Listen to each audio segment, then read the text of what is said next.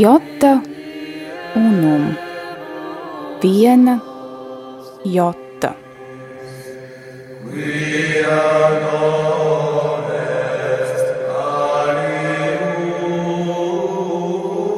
Tradīcija, skaistums, kas paceļas pāri laikam. Skaistais ir patiess, skaistais ir labs.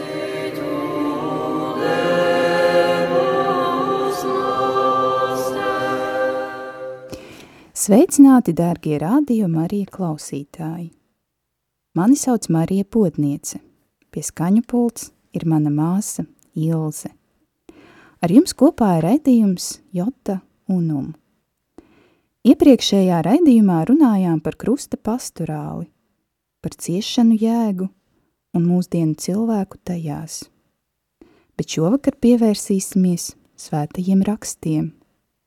Runāsim par psalmiem, par tiem psalmiem, kas ietilpst zem tā dēvēto atriebības, jeb lāstu psalmu sadaļas. Bet pirms iedziļināmies šajā tēmā, piedāvāju noklausīties Ilzas Maskalānes liecību par tradicionālo latīņu misi. Tradicionālo latīņu mises iepazinu dzīvojot Francijā, kur šī mises forma ir plaši pazīstama. Sākumā, kad uzzināju, ka šāda mise eksistē un ka tās piekritēji apgalvo, ka tā, salīdzinot ar parasto ritu, esot kontemplatīvāk, Ziņkārības pēc sameklēju Parīzē draudzi, kur tā tika svinēta un aizgāju paskatīties. Bija parasta nedēļas diena, tika svinēta klusā mise, tas ir bez dziedājumiem. Baznīca bija gandrīz tukša. Priesteris pie altāra kaut ko ātri skaitīja latīniski. Es neko nesapratu no notiekošā. Neko kontemplatīvu es tur nesaskatīju, un šī rita forma mani atstāja vīlušos un vienaldzīgu. Vēlāk katoļu kopienas vidē nācās tikties arī ar tā saucamajiem tradicionālistiem, kurus nezinātāji apsaukāja par integristiem. Tie bija daži semināristi, par kuriem zināju, ka viņu seminārā svin tādu misi. Viņi man ļoti intriģēja, kā gan šie katozauri, jeb katoļu dinozauri, izdzīvo pavisam netradicionālajā šķirstu kopienā. Reiz tā saucamās pastorālās padomas sapulcē oponēja citiem padomas locekļiem, kuri tolerances vārdā ļoti netoleranti uzbruka kādam priesterim tikai tāpēc, ka viņš svinot kapelā parasto nevis tridentes misi, esot izdarījis briesmīgu pārkāpumu, atļāvies pagriezties ad orientem ar seju pret altāri un noras, nolasīt latīniski pāris lūkšanas. Man šķita taisnīgi viņu aizstāvēt, taču turpināju raudzīties uz to visu, ieturot cieņpilnu distanci. Kad pēc vairākiem gadiem tuvāk iepazinu tridentas misi, Iniciatīva nenāca no manis, bet no kāda drauga, kurš bija nesen atgriezies pie dieva un padzirdis par kapelu, kur viss notiek latīniski, man jautāja, kas tas tāds ir un vai to var apskatīt. Paskaidroju par vecā rita misi un teicu, ka noteikti var. Tad sameklēju tuvāko tradicionālo latiņu misi draudzes baznīcā. Tā bija svētdienas dziedātā mise svētā erceņģeļa Miķeļa baznīciņā Normandijas laukos. Pirmajā misē man tas viss šķita diezgan tāls un abstrakts.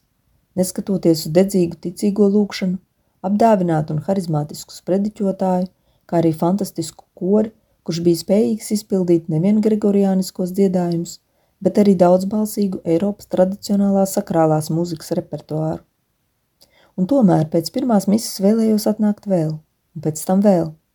Arī draugs bija sajūsmā un svētdienās dedzīgi apmeklēja šo svēto misi. Tā es pāris gadus piedalījos gandrīz vai vienīgi tridentes misē. Tad nolēmu atgriezties Latvijā. Pārdevu savu jauno latiņu franču misāli un iekšēji sagatavojos atkal atgriezties pie parastās Romas latiņu rita formas. Domāju, ka ja jau agrāk varēju dzīvot bez vecās mises, tad varēšu arī turpmāk. Taču drīz vien sapratu, ka eju uz svēto misi tikai aiz morāla pienākuma, lai izpildītu baznīcas bausli un ka bija nepieciešams meklēt veidus, kā savu piedalīšanos parastajā rita formā atsvaidzināt un atdzīvināt ar piedalīšanos tradicionālajā latīņu misē. Kāpēc šī Romas rita forma man ir tik svarīga? Arī Betlēmas māsu klosterī Lietuvā, kur pavadīja vairākus gadus, liturģija bija skaista un svinīga, Tā uzsvēra Dieva svētumu.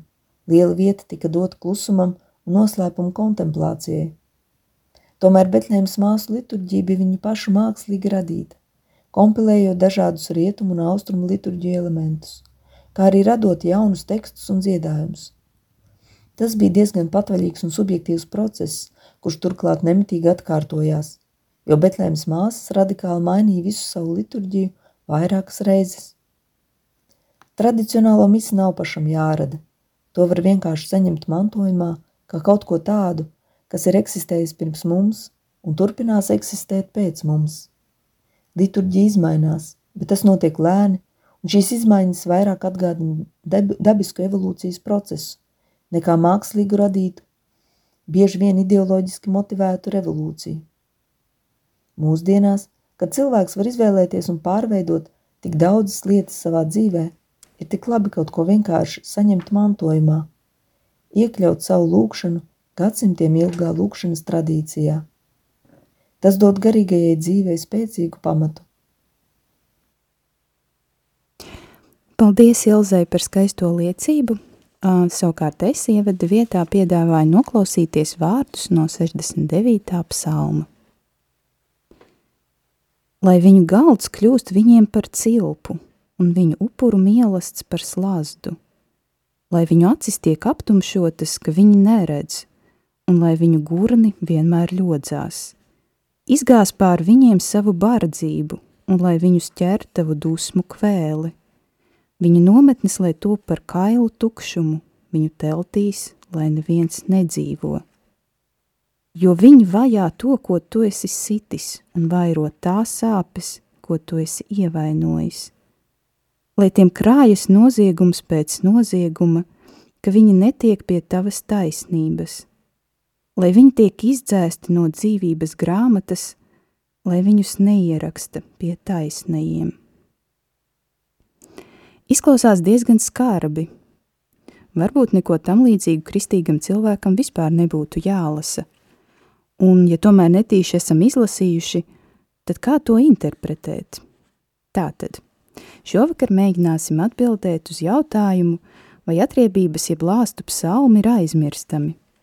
Tāpat runāsim par to, kā šos psalmus tika interpretējuši baznīcas tēvi un kāda ir to nozīme kristiešu garīgajā dzīvē, un par to, ko iegūstam vai zaudējam atmetot šos psalmus. Orientēties šajā tēmā un tikt galā ar jautājumiem – Mums šodien palīdzēs Latvijas Universitātes Humanitāro zinātņu fakultātes Āzijas studiju nodaļas vadītājs, profesors un Rīgas augstākā reliģija zinātņu institūta viesprofesors, teoloģijas doktors, priesteris Jānis Priede. Prieks jūs atkal redzēt raidījumā Jota Unum.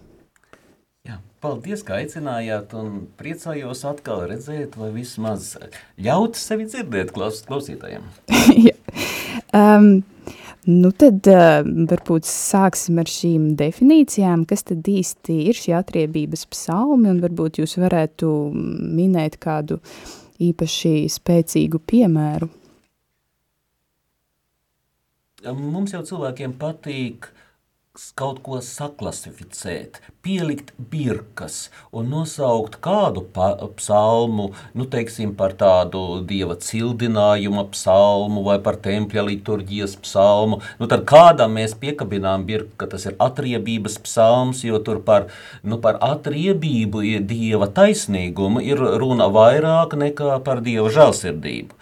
Un tad, ja mēs tā nosveram, nu, žēlsirdība šī psalmā tā mazāk parādās, uh, vairāk parādās dieva taisnīgums un tā, tad, protams, arī sots grēciniekiem, nu, tad tas ir tāds nu, šausmīgi atriebīgs psalms.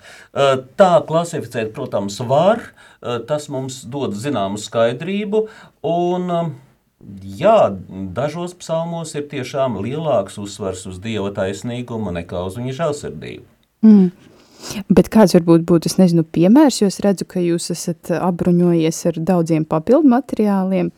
varbūt ir kaut kāds, es nezinu, varbūt tieši priekš jums paša, nu kāds, nezinu, um, citāts, kas liekas īpaši, nu tāds nežēlīgs un būtu tāds. Varbūt tās es neņemšu kādu psalmu, kas ir pilnībā tam, um, tādām dieva taisnīgumam, gandrīz pilnībā veltīts, jo visos psalmos jau parādās dieva žēlsirdība. Uh, bet uh, paņemšu kā piemēru 136. psalmu pēc katoļu ja, un pēc uh, austrumbaznīcas uh, psalmu numurēšanas principa, bet tiem, kam ir rokā tepat Latvijas Bībeles biedrības bībeles, tas droši vien parādīsies ar skaitli 137, proti visi dzirdējuši sākumu, bet beigas, uh, beigas tikai tie, kuri lasa bībeli.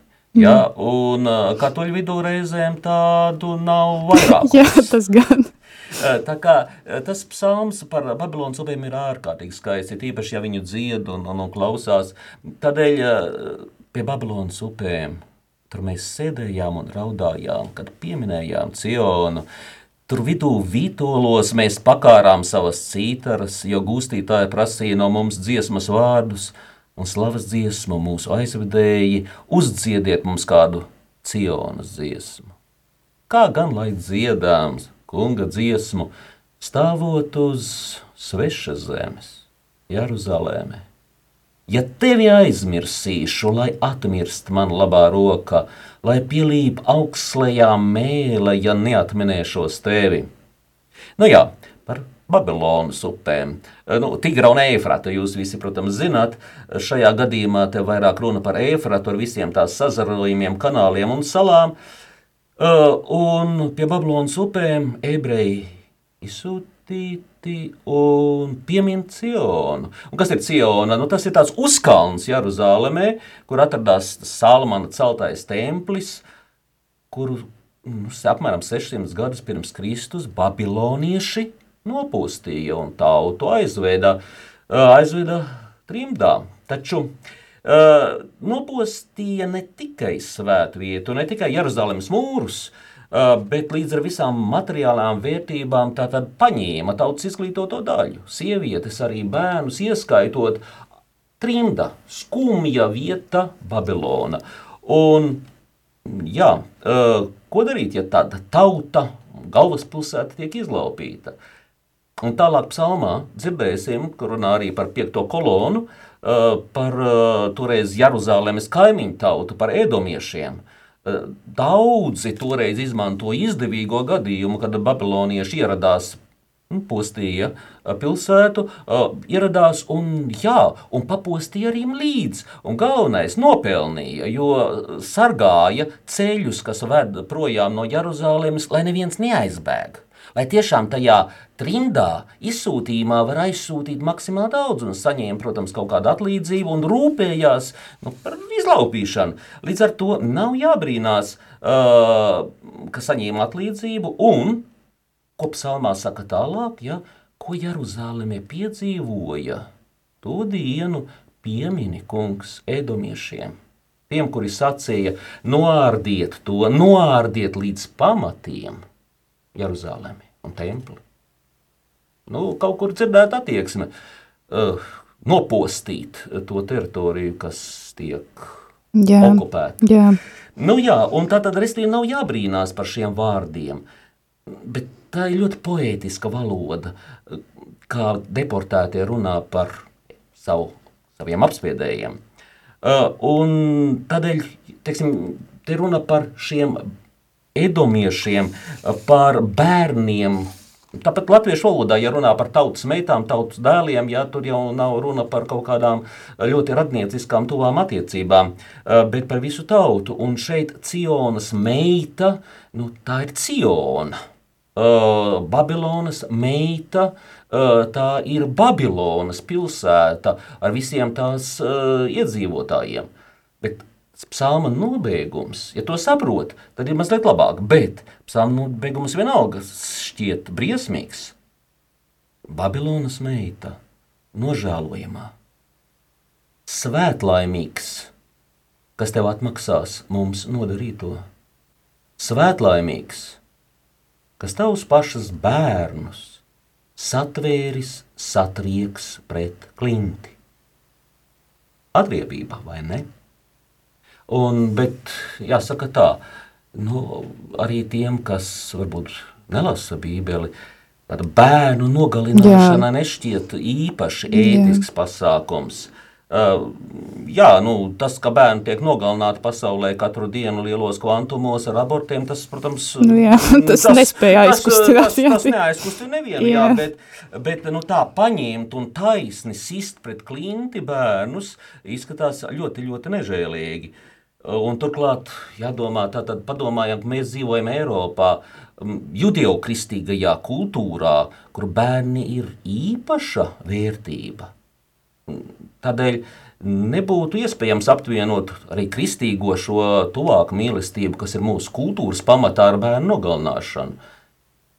Jā, bet, bet psalmā ir šie vārdi. Jā, un taču Dievs ir iedvesmojis, cik mēs saprotam svētos rakstus, kā, kā Dievs varēja iedvesmot šitādus tekstus. Jā, pie tā mēs noteikti atgriezīsimies. Kā Mm, svētie raksti no sākta galā līdz beigām ir nu, Dieva iedvesmots Tieši teksts. tā, jā.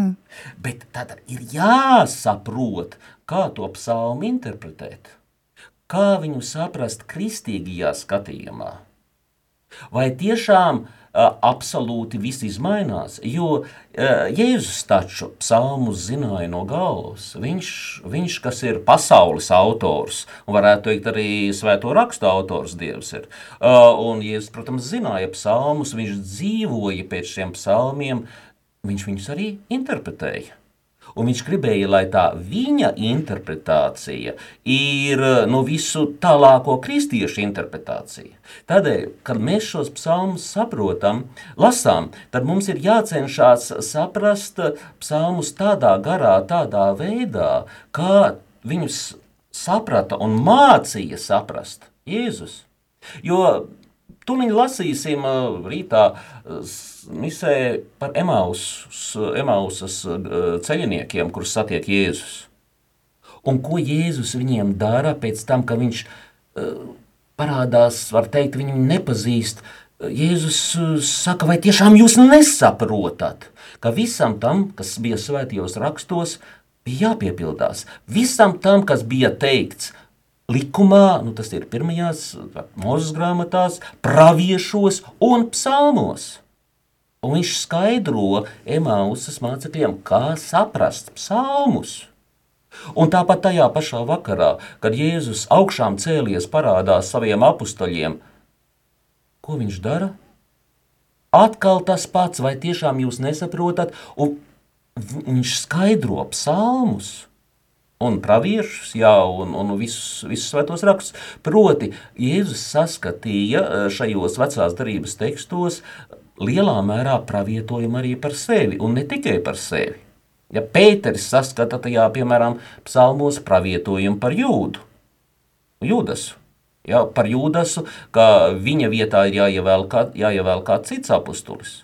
Un, nu jā, šo 109. psalmu līdz ar to bieži vien sauc par Jūdas psalmu. Jā, tajā jā. ziņā, ka, jā, ka Pēteris mm. atsaucās uz šo psalmu, sakot, ka nu, tagad daudzus gadsimtus, 8, 9 gadsimtus pirms Kristus dzimšanas tika uzrakstīti teksti, kur bija runa, kur, kur ir teikts, kāds liktenis gaida Jūdas. Un ka jāizvēl nākamais apustulis. Tātad, respektīvi, kristīgais skatījums iet projām no tā, ko Jēzus teica, jūs ir zobu pret zobu, aci pret mm. aci, kristīgais interpretācija mainās, bet nemainās neviens vārdiņš, ne zilbe, ne jota nemainās no tā teksta, ko Dievs ir devis. Bet ir jāsaprot. Ja? Un tādēļ, piemēram, šis, šis 137. vai precīzāk būtu jāsaka 136. psalms par Babilonu. Mm -hmm. nu, tad, kā uz apstuļu mācības pamata, var teikt, pirmo gadsimtu baznīca tā viņa skaidro, Mēs ko redzam? Mēs redzam, ka tā nozīme mainās, tā interiorizējās, tā kļūst par kaut ko, kas attiecās uz cilvēka dvēseli. Piemēram, Hieronims. Viņš tulkoja psalmus nu, izcils, viņš lieliski zināja ebreju, aramiešu un citas valodas. Uh, Un, jā, kā viņš skaidro? Viņš vispirms norāda uz to, ka Babilona, nu, Latvijas kādreiz arī saka Bābele, ja, Jā, jā, Bābeles tonis, ja, jā, tas jā. ir hausa simbols, nesakārtotības simbols, nu, sajukums. Uh, un, un, var teikt, daudz kultūru, kult, daudz valodu kultūru vide, tā, bet tāda, kurā cilvēki viens otru nespēj saprast vai nevēlas saprast. Nespēja jau tāpēc, ka nevēlas.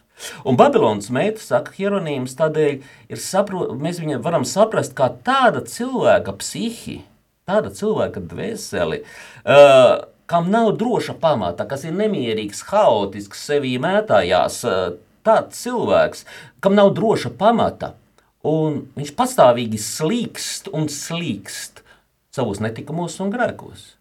Tā ir nožēlojama, un tieši tāpēc psalmā arī ir teikts, Babilonas meita nožēlojamā. Babilona tā tā dvēsele. Bet kas ir tie mazuļi? Kas ir tie bērni, kas jāiznīcina trīcot pret klinti? Tās ir domas, saka Hieronims. Tās ir domas, kas piedzimst, un kā bērni piedzimst arī taču, nesakārtotā dvēselē. Tās ir ļaunas un bīstamas idejas, kas sākumā ir tikai kā aizmetņi, tad attīstās un aug. Cilvēks lolo šo ideju, kā bērnu lolo. Un visbeidzot, tā jaunā, nekrietnā ideja ir izplatusies, izaugusi un rezultējas rīcībā, amorālā uzvedībā, noziegumā. Nevajag auklēt šīs domas, saka Hieronīms. Pat ne mirkli nevajag auklēt šīs domas. Ja doma rodas, tā jāiznīcina uzreiz. Tā jāsatriec pret klienti. Un kristietībā, kā visiem zināms, taču. Kas ir klints? Nu, kas ir klints? Nu, Pēteris. Oh, Mēs no katoliskā viedokļa. Jā, bet, bet klints, pat, klin, protams, jā, Pēt, Pēters ir klints, bet klints ir Kristus.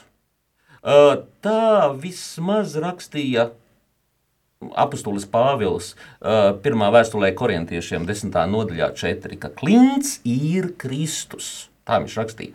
Un nonāvē ļaunās domas, nonāvē tātad savus ļaunās domas, tavus dabiskos ienaidniekus, kamēr tie vēl ir sīki. Tās tavas domas ļaunās ir tavi dabiski ienaidnieki. Nonāvē tos, kamēr viņi vēl ir sīki, lai nesakuplo kā nezāles. Nocert ļaunumu, kamēr tas vēl ir tikai iedīglī. Jo ļaušanās savām dabiskajām dziņām iesveļ nevaldāmu kaislību. Un tāpēc arī šis apzīmējums, ja psalma beigās, ko mēs lasījām, svētlaimīgs, svētlaimīgs, kas neļauj tam ļaunajām ierosmēm sevi sagrābt un pārņemt. Ja? Un, un neskrien uh, meklēt narkotikas, vai nu, tas jau būtu Nu, galīgais variants, jā, bet, bet, bet neļauj sevi sagrābt. Proti, svētlaimīgs, kas tavus pašas bērnus satvēris, satrieks pret klienti, pret Kristu, pret viņa ideju, pret to, ko viņš māca, pret viņa lab, labestību, mīļumu. Paskatījāmies uz krustu un, un aizraidām to domu, satriecām viņu, nepieļaujām uh, viņai augt. Uh, tātad mēs ko redzam? Mēs redzam, ka baznīca tēva šo psalmu skaidro alegoriski. Ja, mm. Nevairs, proti, un cilvēks, kas viņu lasa, vairs nedomā par, nu, par atriebību tajā nozīmē, ka vajadzētu iznīcināt tur no kaimiņu tautā Jā, jā. bērniņus. Ja? Jā. Uh, Nē, bet uh, tā ir atbrīvošanās no ļaunām domām, no iecerēm ļaunām, no vēlmēm, atbrīvošanās. Ja? Un turklāt pēc iespējas ātrāk. Un nevis kaut kādu ētisku ideālu, politkorektumā vai uh, nu, principu vārdā, bet gan savas kristīgās identitātes vārdā, satrīt pret klienti. Ja? Tātad, ko mēs redzam? Mēs redzam, kā mainās šīs idejas. Protams, mēs viņus jau varam skaidrot arī nu, dziļi teoloģiski savādāk un saskatīt uh, arī to tīri vēsturisko aspektu. Protams, ka ebreju tauta bija izmisusi. Protams, ka viņi pārliecināti, ka Dievs jau neatstās noziegumu nesodītu. Nu, Dievs ir taisnīgs. Tātad e, šim psalmam ir arī e, tāds tīri dabisks pamats, bet e, ja mēs pieliekam tikai pie tā dabiskā pamata, tad kādam cilvēkam, kas dzird šos vārdus, rodas jautājums, nu, kur tad ir kristīgā mīlestība? Ā, nu, tā ir vecā derība, kur nekāda kristīgā mīlestība nav, bet nu, Dievs taču ir viens, un viņš ir svēto raksta autors, no kā viņš tur ielicis šādus Viņš bija diezgan nežēlīgs, pirmajā daļā bija nežēlīgāks nekā otrajā, jā. Un, un tādas vietas psalmos ir daudz. Ja katrā mm. psalmā, nu nē, katrā varbūt nē, bet vismaz 20 psalmos uzreiz var atrast un parādīt uh, teikumus, ko, ja mēs izraujam no konteksta, tad mēs varam pateikt, viņi ir nežēlīgi, viņi ir briesmīgi. Ja? Bet ja mēs viņus lasām, un pat ne alegoriski, pat ja mēs lasām visā šajā kontekstā, mēs saprotam, kas tur ir teikts. Mm. Labi, šajā brīdī varbūt eh, pārtrauksim mūsu sarunu uz muzikālu pauzi, kad atgriezīsimies no tās, parunāsim par to, kādēļ šie skarbie psalmu vārdi nereti iztrūks no tādas mūsu uh, dzīves un kāpēc mēs tik maz dzirdam visus šos izaicinošos fragmentus, bet par to pēc muzikālās pauzes. Iksi.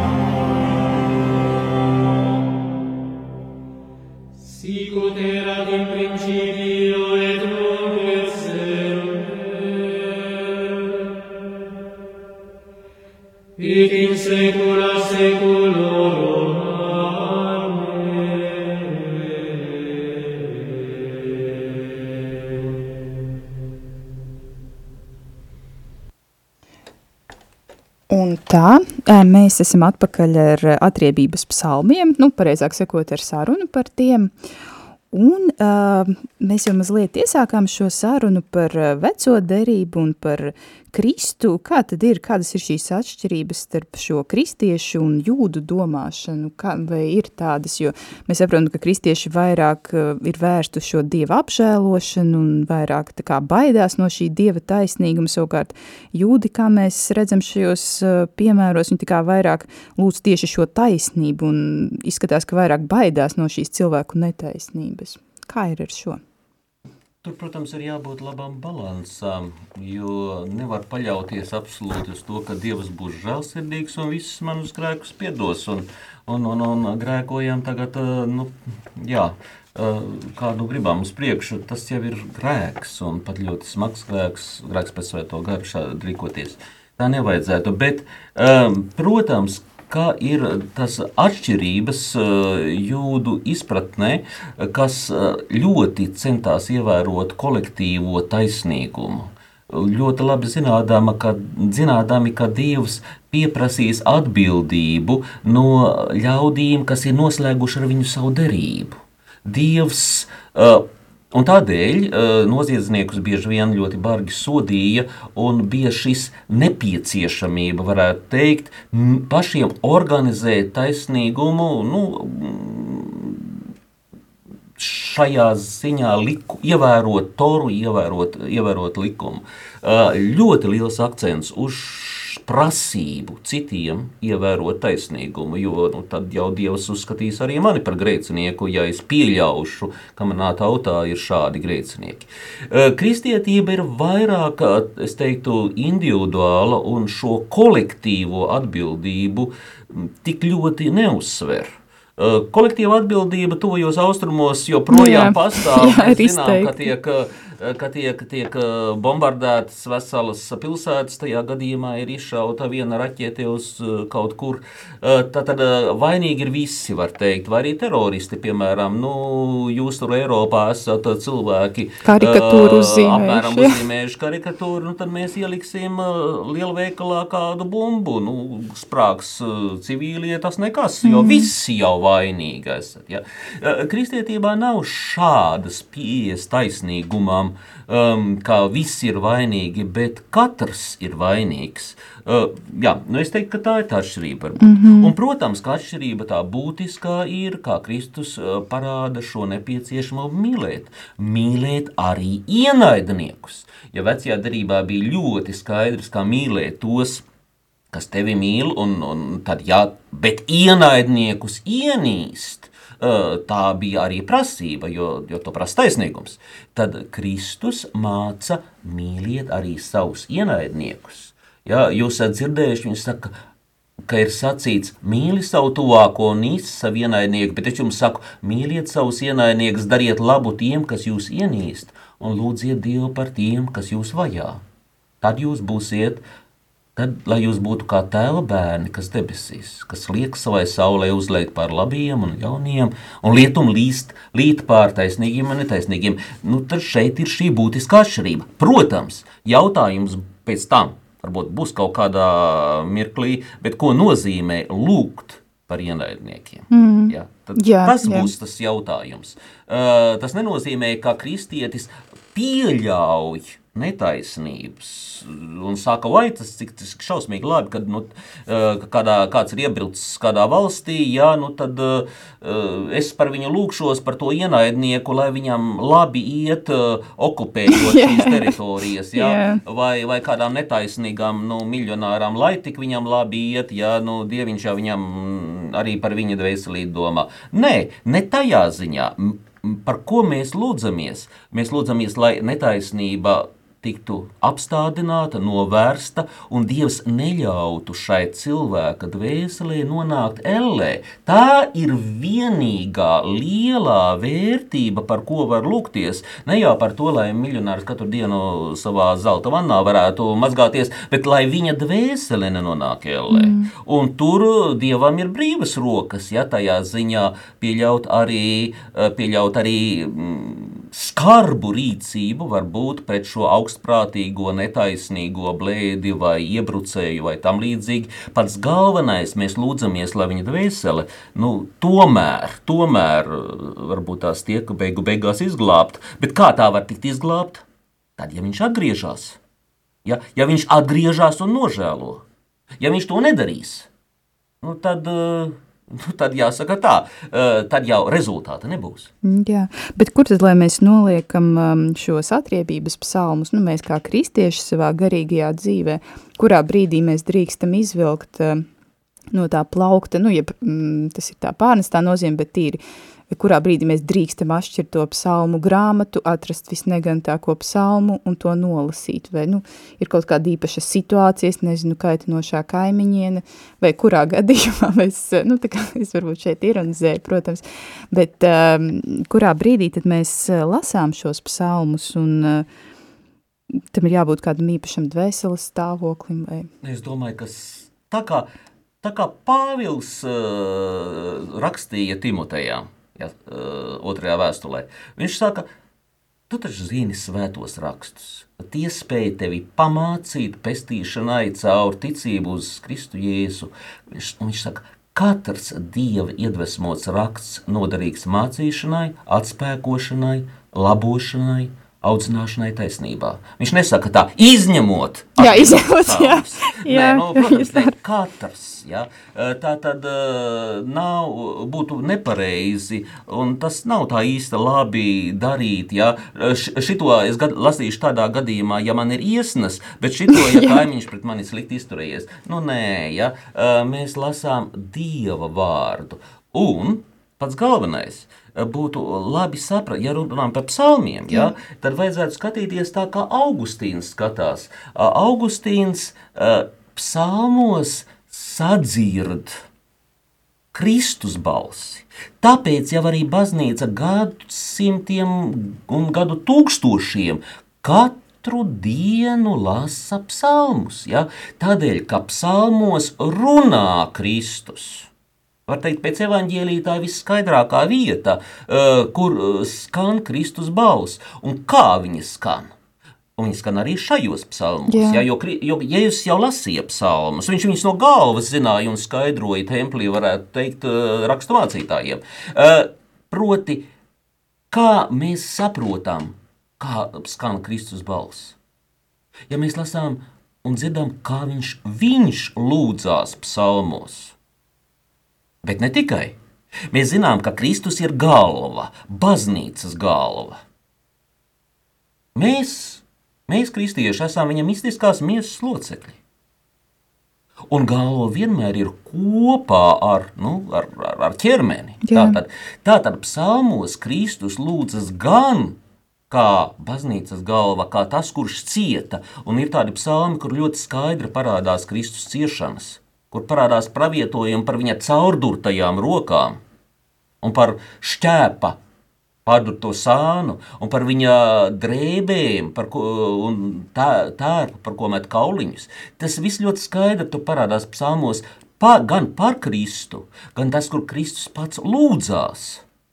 Un arī citos psalmos, kur ļoti labi var sadzirdēt to balsi, kas nāk no Kristus miesas locekļiem kuri arī bieži vien cieš, kur arī lūdz pēc taisnīguma un tam līdzīgi. Tātad, un, un, un Kristus jau lūdz kopā ar mums. Viņš jau nav kaut kas atšķirts no savas baznīcas. Tad ir ļoti svarīgi saprast, ka psalmos uh, skan Kristus balss un arī Kristus miesas locekļu balss uh, arī šajos atriebības psalmos. Tie nav kaut kādi mistiski teksti, uh, kas kļūdas pēc, jā, jā, kas, kas jā. ielikt. Nē, jā. Dieva vārds ir viscauri, tie, un tas ir, jāņem vērā, nu, lasot, un ir labi lasīt psalmus. Ja mēs zinām, mūki, uh, un baznīca kopš pirmsākumiem lasīja 150 psalmus, nu, psalmu grāmatā ir 150 psalmi, lasīja nedēļā, izlasīja visus. Jā, Ja, un tā nedēļa jā. pēc nedēļas, tā ir Kristus lūkšana baznīcā. Ja mēs psalmos saprotam, ka tur, kur skumst, tad skumst Kristus par savām ciešanām, kas viņam ir jācieš no netaisnīgiem. Kur, ja mēs dzirdām, kur viņš priecājās, un, un, un, un, un var teikt, pat nākotnes formā saka, ka viņš cildinās vai slavēs Dievu eh, ticīgo pulkā, tad tas arī nozīmē to pašu, ka svētie raksti baznīcā ticīgo pulkā tiks lasīti un skandēti, jo tas skanēs šī, šie, arī šie psalmi. Proti, Kristus runās. Tad, kad, tad, kad baznīcā lasa svētos rakstus, nu, jā, nu, kādreiz mums šķiet, ka nu, tas kungs vai kundze tur lasa svētos rakstus. Īsnībā tas ir Kristus pats, ja, kas, uh, kura balsi mēs dzirdām evaņģīlīja lasījumā. Nu, jā. Jā, bet uh, mēs runājām tikko par nu, šis aspekts par um, šo psalmu pilnību un ļoti skaista tā tradīcija, ka tiek uh, nolasīti viņi visi pēc kārtas, bet kā ir ar šo, kā esmu dzirdējis par šo breviāra reformu, kur atsevišķi psalmu un to fragmenti tikuši izslēgti no stundu liturģijas tekstiem, daži tur pat pilnā apjomā, un tu tur kaut kādi panti izņemti ārā. Ar ko mēs, kā mēs varam skaidrot šādu rīcību un kādi varētu būt tie iemesli un riski šādai rīcībai? Nu, ja runā par brīvā reformu, tad uh, no 150 psalmiem nedēļā uh, mazliet atviegloja, varētu teikt, uh, mūsdienu kristietiem. Tāpat kā atviegloja ļoti daudz ko, taču gadsimtu gaitā mums, mēs negavējām vairāk tā, kā gavēja uh, apstuļi un tā kā gavēja pirmo gadsimtu kristieši. Uh, var teikt, uh, kuriem bija īpaši jālūdzās par citu atgriešanos, par ļauno garu izdzīšanu, un Kristus pats teica, ka šī suga neiziet savādāk ar, ar, ar, ar lūkšanos. Bet ļaunais un gars mūsdienās ne? neuzbrūk tik Uh, stingri, es nu, saprotu. teiksim Viņš ir tā, atkāpies uh, mazliet. katra- ka- Mazliet atkāpies ir, varētu teikt, uh, mums uh, nav cilvēku upuru tādā veidā, kā varbūt tās uh, tie bija mm, pirms Kristus, un, un, un, un, ne tikai Eiropā, bet uh, Amerikās un tuvajos austrumos un citur.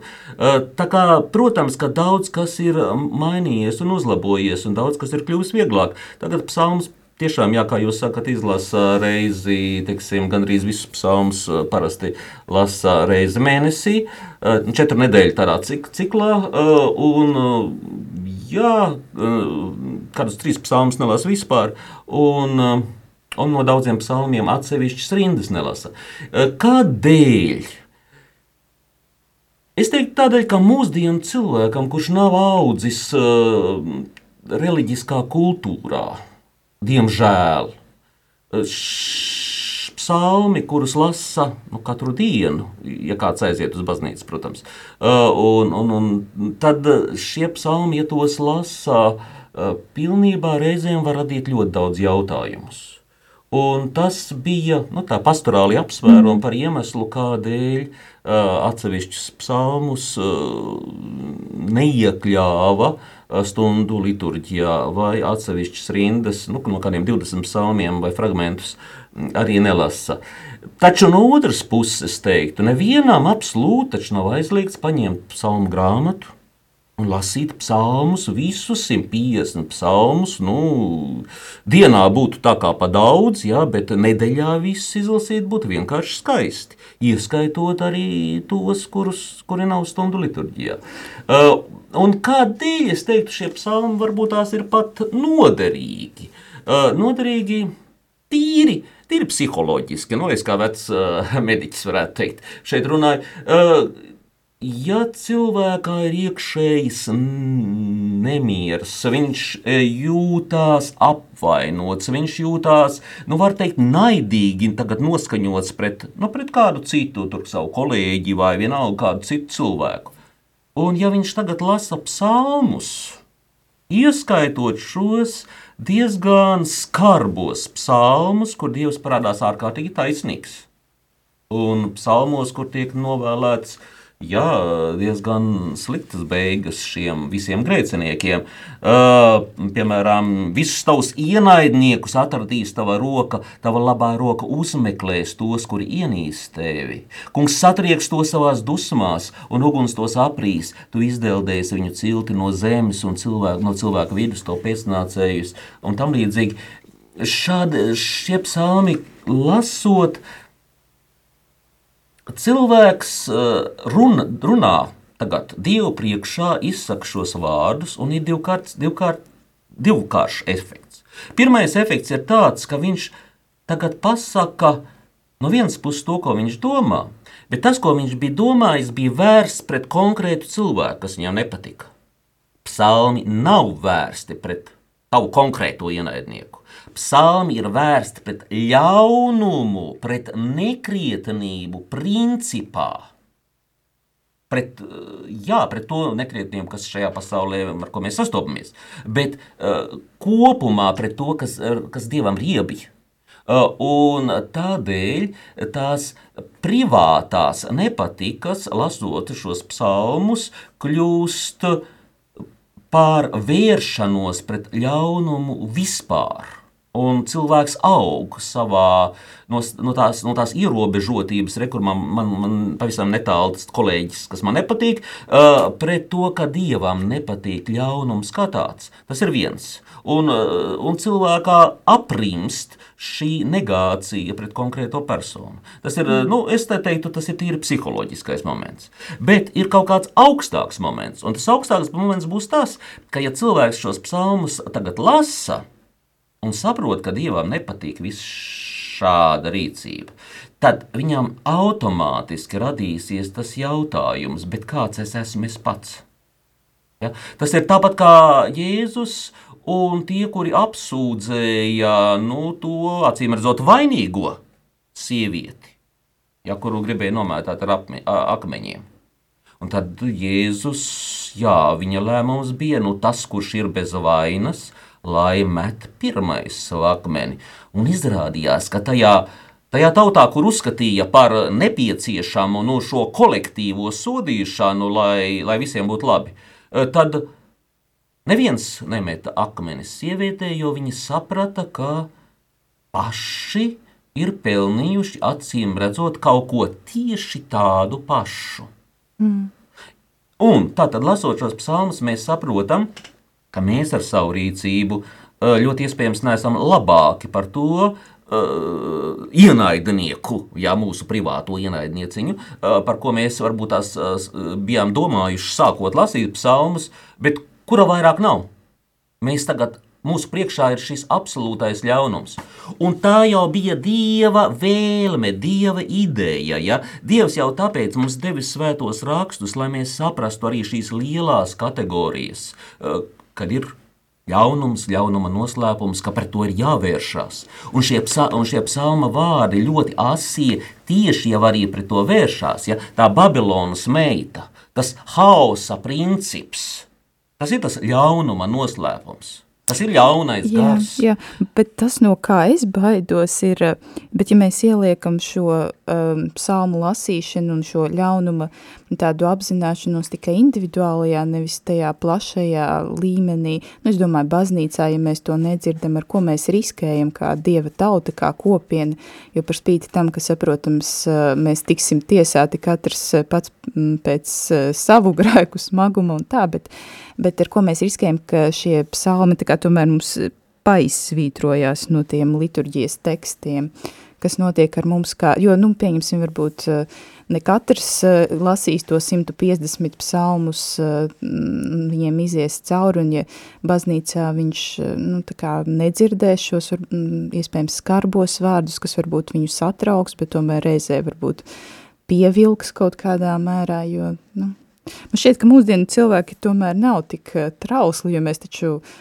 14. februārī skatāmies Titānika, kur milzīgs kuģis nogrimst, uh, liels cilvēku skaits slīkst, un tas mums ir, nu, romantiskā kino piemērs, tad es domāju, ka varbūt zināmi teksti par um, ļaunu uh, darbu par sodu, ko mēs saņemam par kādām neģēlībām, tā kā, ko tas mums nodara kā kopumam kristiešu, katoļu. Nu, šeit mēs par katoļiem uztraucamies.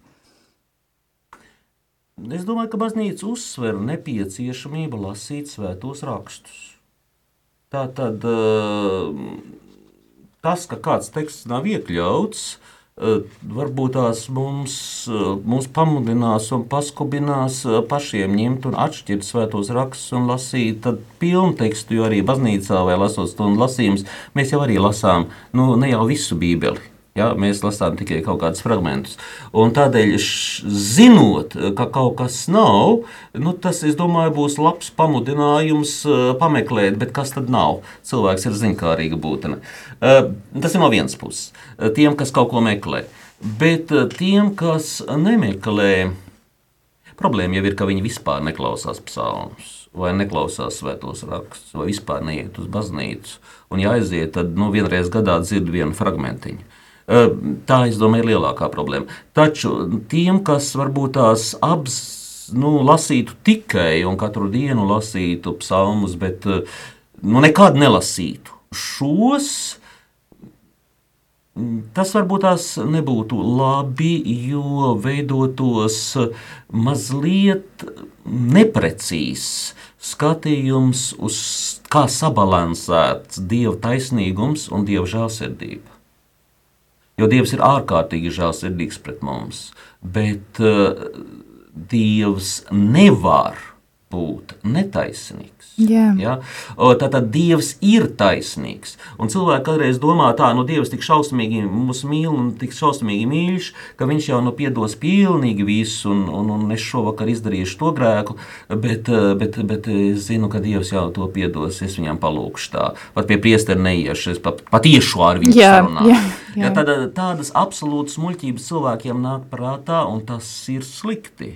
Ja šos psalmus lasītu, es nezinu, vai, vai, vai cilvēkus um, tas vedinātu labāk apzināties šo balansu, vai arī daudzi sapratīs tikai to ārkārtīgo virspusējību un pateiks, ak, nu tāda varmācība, nu tāda varmācība, ja Dievs ir tik ļauns, nu tad es par viņu neko negribu dzirdēt.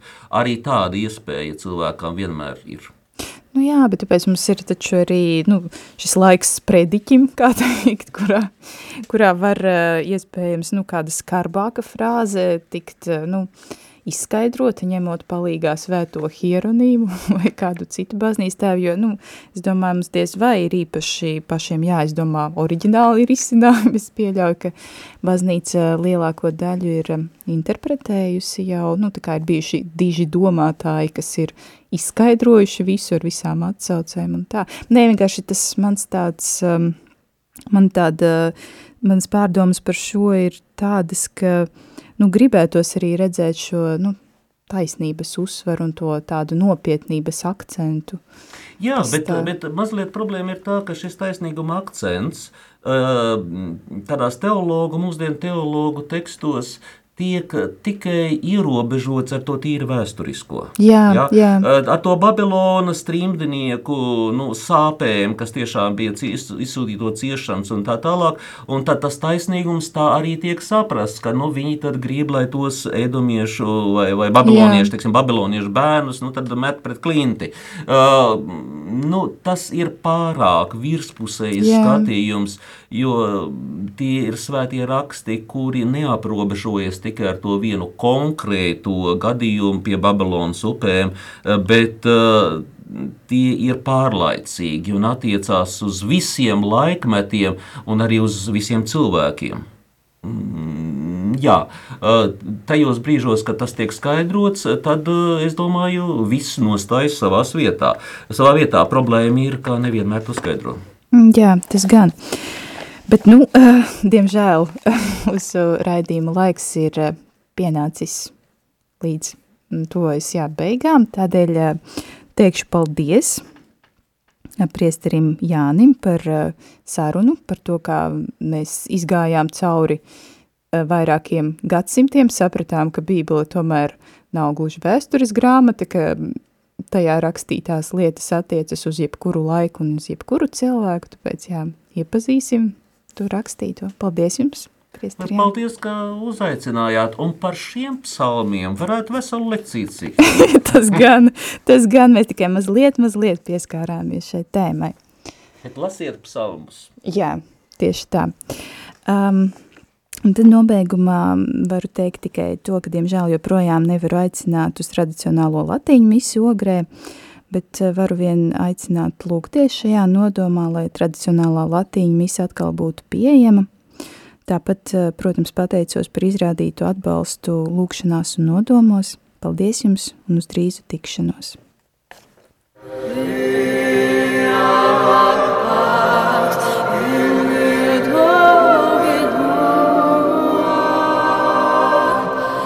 Raidījums Jota Unum ir izskanējis.